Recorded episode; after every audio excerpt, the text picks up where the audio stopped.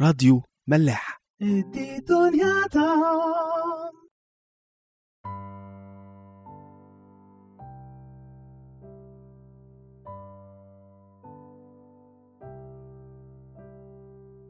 مساء الخير واهلا بيكم في حلقة جديدة من عيش وملح. في مثل بيقول اللي خلف ما ماتش. بس في حالة الملك حزقية وابنه منسى فهو خلفه بس مات. لأنه منسى ابنه مسح كل اللي عمله ابوه ورجع عبادة البعل من تاني. وبعد شعب يهوذا عن ربنا أكتر من أي وقت فات. الكتاب يقول لنا كده عن منسى وأكثر عمل الشر في عيني الرب لإغاظته. واتكلمنا عن موضوع إغاظة ربنا ده إنه في أغلب الأوقات مش بيجي بشكل واضح أو مقصود يعني إنما بسبب الكبرياء بتاع الإنسان. عدم تواضعه لربنا في كل مجالات حياته فالشيطان بيستغل الفراغ ده ويبتدي واحدة واحدة يسيطر على كل جوانب حياة الشخص ده وبالتالي بيوصل لمرحلة الشر وإغاظة ربنا فأي نعم يعني كل واحد مسؤول عن خطيته بس بالتأكيد إنه بإيدينا نسهل على عيالنا أو أي حد إحنا مسؤولين عنه إن هم يقعوا في الخطية أو إن هم يحبوا ربنا ويتعلموا يقاوموا الخطية من صغرهم. يا ترى ربنا هيتعامل إزاي مع منسى بعد كل الشر ده؟ خلونا نكمل ونشوف. ادي دنيا دام كنا ابتدينا آخر مرة في صح 21 من سفر ملوك تاني هنكمل من أول عدد عشر وتكلم الرب عن يد عبيده الأنبياء قائلا من أجل أن منسى ملك يهوذا قد عمل هذه الأرجاس وأساء أكثر من جميع الذي عمله الأموريون الذين قبله وجعل أيضا يهوذا يخطئ بأصنامه لذلك هكذا قال الرب إله إسرائيل ها أنا ذا جالب شرا على أورشليم ويهوذا حتى أن كل من يسمع به تطن أذناه. وأمد على أورشليم خيط السامرة ومطمار بيت أخاب. يعني اللي حصل في السامرة ومع بيت أخاب هيحصل في أورشليم. وأمسح أورشليم كما يمسح واحد الصحن يمسحه ويقلبه على وجهه. وأرفض بقية ميراثي وأدفعهم إلى أيدي أعدائهم فيكونون غنيمة ونهبا لجميع أعدائهم.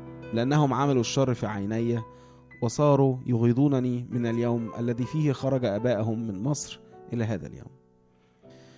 يعني النتيجة الطبيعية طبعا للبعد عن ربنا هي الهلاك. وإن كان ده مش هلاك أبدي. بس هو ربنا في حياتنا معاه دايما بيحاول يفهمنا الموضوع ده بكل الصور. عشان بقى نخلص الخلاص الأبدي. ودي المعادلة الغريبة بس في نفس الوقت بسيطة. إن نقول ليه يا رب بتعمل كده؟ آه، أمال فين الرحمة؟ فين طول الأناة؟ ويمكن رغم كل اللي عمله منسى بس اللي يقرأ الكلام دلوقتي ممكن يتعاطف مع منسى ويحس اللي هو يعني لأ ربنا برضو قاسي معاه أو مع شعب يهوذا.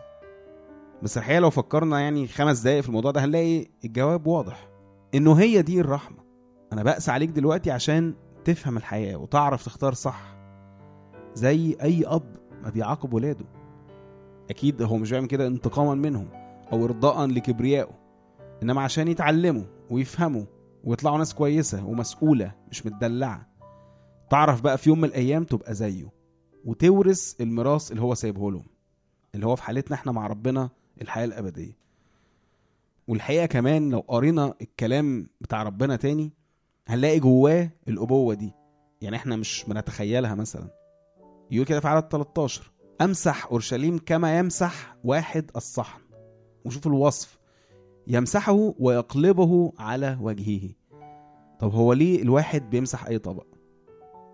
يعني ده لو طبق بلاستيك مثلا ملوش أي قيمة هيتوسخ لأي سبب هاخده أرميه. مش هتعب نفسي فيه. إنما الطبق الغالي والقايم مش هرميه ولا هكسره حتى لو حصل له إيه. إنما بنضفه. آه هو أنا شلت كل اللي فيه مهما كان حلو ومسحته تماما بس الطبق نفسه أقيم بكتير قوي من اللي فيه. والأطباق دي مش معمولة في مصنع مثلا فكلها زي بعضها. لا ده واحد فنان عامل كل طبق من دول مميز. مفيش واحد شبه التاني. فعمره مهما توسخ هياخده يكسره. لا هياخده وينضفه ويمسحه ويقلبه على وشه. ليه بقى؟ عشان يوقع منه أي بقايا فاضله جواه. عشان كده لازم تعرف إنه في أي وقت لو ربنا عمل كده معاك أو مع أي حد تعرفه إنه يمسحه يشيل كل حاجة عنده كانت مدياله قيمة أي مقتنيات أي مواهب ياخدها كده ويمسحها تماما ويقوم قلبه على وشه. فاعرف إن ده لسبب واحد بس عشان ينضفه عشان هو اتكبر بسبب اللي كان في الطبق ده. والقلبة دي هي بدون شك عشان نتواضع. إحنا بنشوفها كسرة لينا. إن ربنا يعمل فينا ويسوي إنما كل الغرض إن إحنا لما نوطي كده ونتقلب على وشنا هو إننا نتواضع. وربنا بقى يخرج من جوانا أي آثار كبرياء فضلة بسبب اللي كان عندنا. هل يا ترى بقى منسى هيسمع لتحذير ربنا ده وهيتغير؟ نكمل مع بعض. وسفك أيضا منسى دما بريئا كثيرا جدا حتى ملأ أورشليم من الجانب إلى الجانب. فضلا عن خطيته التي بها جعل يهوذا يخطئ بعمل الشر في عيني الرب. وبالمناسبة يعني بيقال أو في التقليد اليهودي يعني إنه من ضمن الناس اللي قتلهم منسى هو أشعياء النبي نفسه. وبيقال إن هو مات موتة بشعة يعني إن هو نشروه بمنشار كده نصين. وهنلاقي في عبرانيين 11 37 الموضوع متجاب سيرته كده من بعيد يعني إن في أنبياء حصل لهم حاجات كتير قوي من ضمنها النشر. فاللي يهمنا في كل ده إن إحنا نستوعب إزاي إن الشر لما بيتفشى في حياة الإنسان بيبقى عامل زي السرطان. وممكن يخلينا نعمل أي حاجة. وده اللي بيخلي ربنا يحارب الخطية جوانا بالشكل العنيف ده برضه. ويكمل بقى بعد كده يقول لنا وبقيه أمور منسى وكل ما عمل وخطياته التي أخطأ بها. أما هي مكتوبة في سفر أخبار الأيام لملوك يهوذا. ثم اضطجع منسى مع آبائه ودفن في بستان بيته في بستان عزة. وملك أمون ابنه عوضا عنه. بس هل دي كانت نهاية منسى بس؟ الحقيقة إنه في أخبار أيام تاني بيحكي لنا تفاصيل مهمة قوي في نهاية حياة منسى وغالبا هي ما اتذكرتش في ملوك تاني لأنه اللي هيحصل ده يمكن ما أثرش على مملكة يهوذا أو الشر اللي هم وصلوا له بس أكتر على حياة منسى شخصيا. خلونا بقى نقرأ مع بعض اللي حصل في أخبار أيام تاني إصحاح 33 وكلم الرب منسى وشعبه فلم يصغوا. دي إحنا عارفينها. فعمل إيه بقى ربنا؟ فجلب الرب عليهم رؤساء الجند الذين لملك أشور فأخذوا منسى بخزامة وقيدوه بسلاسل نحاس وذهبوا به إلى بابل. الخزامة دي كانت زي خاتم أو حلقة بتخش جوه المناخير والناس تتسحب منها كده زي البهايم. وفي الوقت ده كان في عبودية فكانوا بيعاملوا العبيد بالشكل ده. فهم أخذوا منسى زي العبيد وجروه لبابل. نكمل. ولما تضايق اللي هو منسى طلب وجه الرب إلهه وتواضع جدا أمام إله آبائه وصلى إليه فاستجاب له وسمع تضرعه ورده إلى أورشليم إلى مملكته. فعلم منسى أن الرب هو الله.